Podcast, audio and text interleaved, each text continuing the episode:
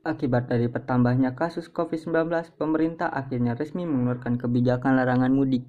Kebijakan tersebut diambil oleh pemerintah sebagai upaya menekan laju penyebaran COVID-19. Pertanggal 6 hingga 17 Mei, peraturan larangan mudik mulai diberlakukan. Bagi masyarakat yang melakukan perjalanan antar daerah, diwajibkan memiliki surat izin keluar masuk atau SIKM, serta menunjukkan surat perjalanan kerja atau dinas dari perusahaan ataupun lembaga terkait. Kemudian di tanggal 6 hingga 17 Mei, seluruh moda transportasi diberhentikan pengoperasiannya dalam melayani para pemudik. Kebijakan tersebut menuai pro dan kontra di kalangan masyarakat. Masyarakat meminta kebijakan tersebut dapat ditinjau kembali, mengingat sekarang proses vaksinasi masih berjalan dan juga kemudahan dalam melakukan screening tes COVID-19. Dua faktor tersebut menjadi alasan dari masyarakat agar kebijakan tersebut dapat ditinjau kembali.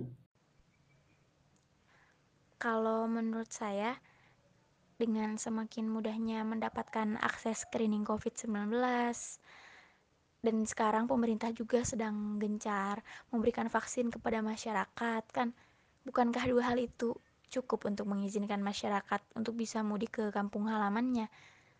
Seharusnya dua dua hal itu bisa justru bisa menjadikan alasan biar masyarakat bisa mudik ke kampung halaman sih.